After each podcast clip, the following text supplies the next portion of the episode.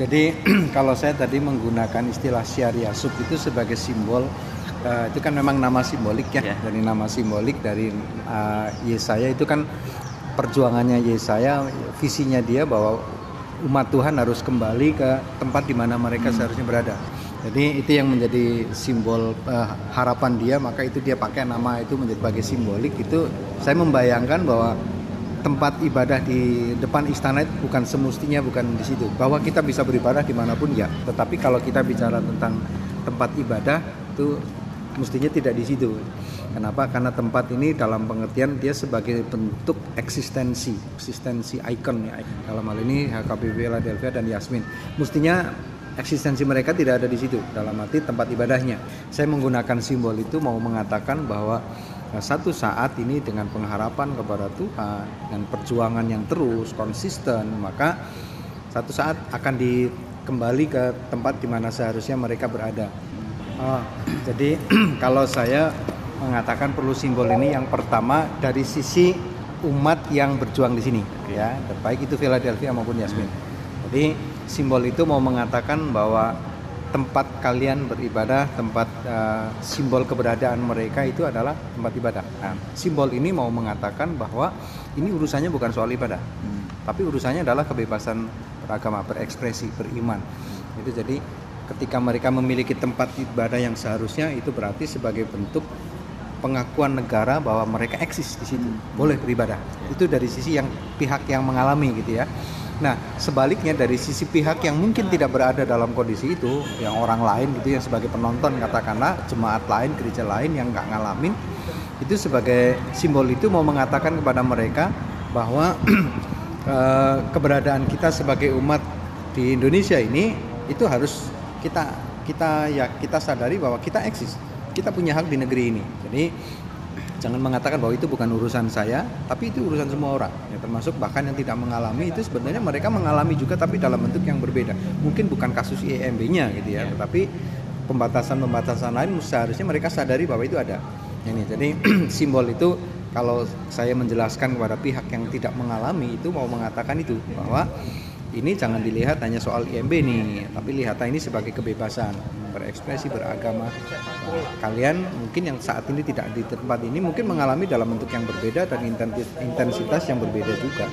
Dan saya pernah katakan juga di uh, ibadah kami ya di GKI Depok. Ketika itu memang awal-awal kan saya ditentang gitu ya. Saya memang tidak menggunakan bahasa searia sub enggak tapi saya mengatakan bahwa ini jangan dilihat hanya soal ibadah di depan istana. Saya katakan ini adalah perjuangan kebebasan beragama. Itu yang saya katakan di mimbar gereja. Nah, karena kan GKI Depok tidak ngalami. GKI Depok enak-enak aja ibadah, IMB gampang, ya, eksis gitu kan. Ketika saya menjelaskan hal itu ke mereka, memang sih sebagian yang sebagian yang lain kan sudah terpengaruh oleh narasi yang dibangun bahwa ini soal IMB itu. Tetapi sebagian yang lain, terutama anak-anak muda, mereka melihat benar juga ini kebebasan beragama ini, sehingga mereka paham oh pantesan di depan istana. Kenapa depan istana ya? Karena istana kan simbol negara. Ya artinya mereka ngomong di depan istana tujuannya adalah ngomong mengadu kepada negara ini loh, akuilah kami. Nah kira-kira gitu. itu yang anak-anak muda bisa paham.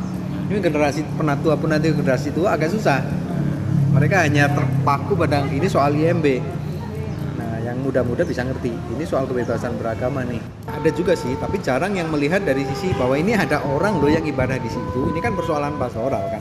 Persoalan pastoral persoalan eksistensial bahwa ada orang beribadah di situ. Bahwa ini prosedur tata gereja tidak atau tidak terpenuhi itu iya. Tetapi itu kenapa harus menjadi narasi utama? Nah itu. Itu yang tanpa disadari membangun pemikiran di kalangan jemaat termasuk di GKI Depok. Wah ini masalah tata gereja ya mereka harusnya nggak seperti itu. Sehingga seakan-akan Yasmin menjadi menjadi salah menurut tata gereja kan? Yeah, yeah. Nah, itu. Jadi ya, itu yang bisa saya lakukan sepanjang informasi yang da saya dapat ya saya mencoba menjelaskan ke mereka oke okay, ada persoalan tata dengan prosedur tata gereja? Ya. Tapi apakah itu menjadi faktor utama? Yeah. jadi saya mencoba mengangkat ke lingkup yang lebih luas lagi dalam tataran uh, sosiologisnya, politisnya ini kan ada persoalan politis juga. Itu yang uh, saya coba jelaskan ke jemaah sebatas yang saya mampu itu. Nah, informasinya kan juga tidak banyak, Pak. Iya. Nah, kalau narasi yang bisa dibangun itu memang dulu saya pernah waktu itu anak-anak muda ikut pas saya pertama di sini anak-anak ikut ya saya ingat. jadi generasi muda waktu itu pada mereka ikut eh, karena apa ya yang coba saya lakukan membangun narasi yang berbeda gitu ya. Jadi narasinya kan narasi ini masalah bukan soal IMB nih soal kebebasan beragama. Jadi saya menggunakan uh, ya kalau mau dibilang senjata senjatanya itu gitu ya. Narasi itu tetap saya bangunkan bahkan di dalam persidangan majelis jemaat saya coba yakinkan ke jemaat ya ke di dalam persidangan majelis jemaat bahwa ini persoalannya persoalan kebebasan nih gitu. Jadi akhirnya dari situ muncul apa namanya per, uh, diskusi selanjutnya adalah kalau memang begitu mengapa Yasmin tidak kita adopsi saja jadi anak supaya persoalan tata gerejanya selesai gitu loh. Itu itu muncul di, di MC sempat muncul. Dan itu uh, sebetulnya cukup kuat cukup kuat di MJ uh, keinginan itu ya, udahlah kalau gitu Yasmin kita adopsi aja. Kita adopsi jadi anaknya GKI Depok sampai dapat status pos udah.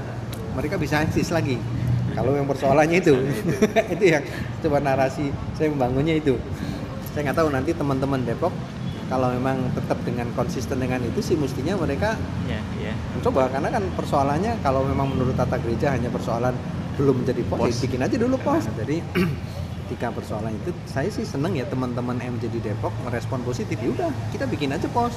Adopsi jadi pos. Hmm. Udah, eksis berarti kan? Tata gereja gak dilanggar. teman-teman di Depok semangat banget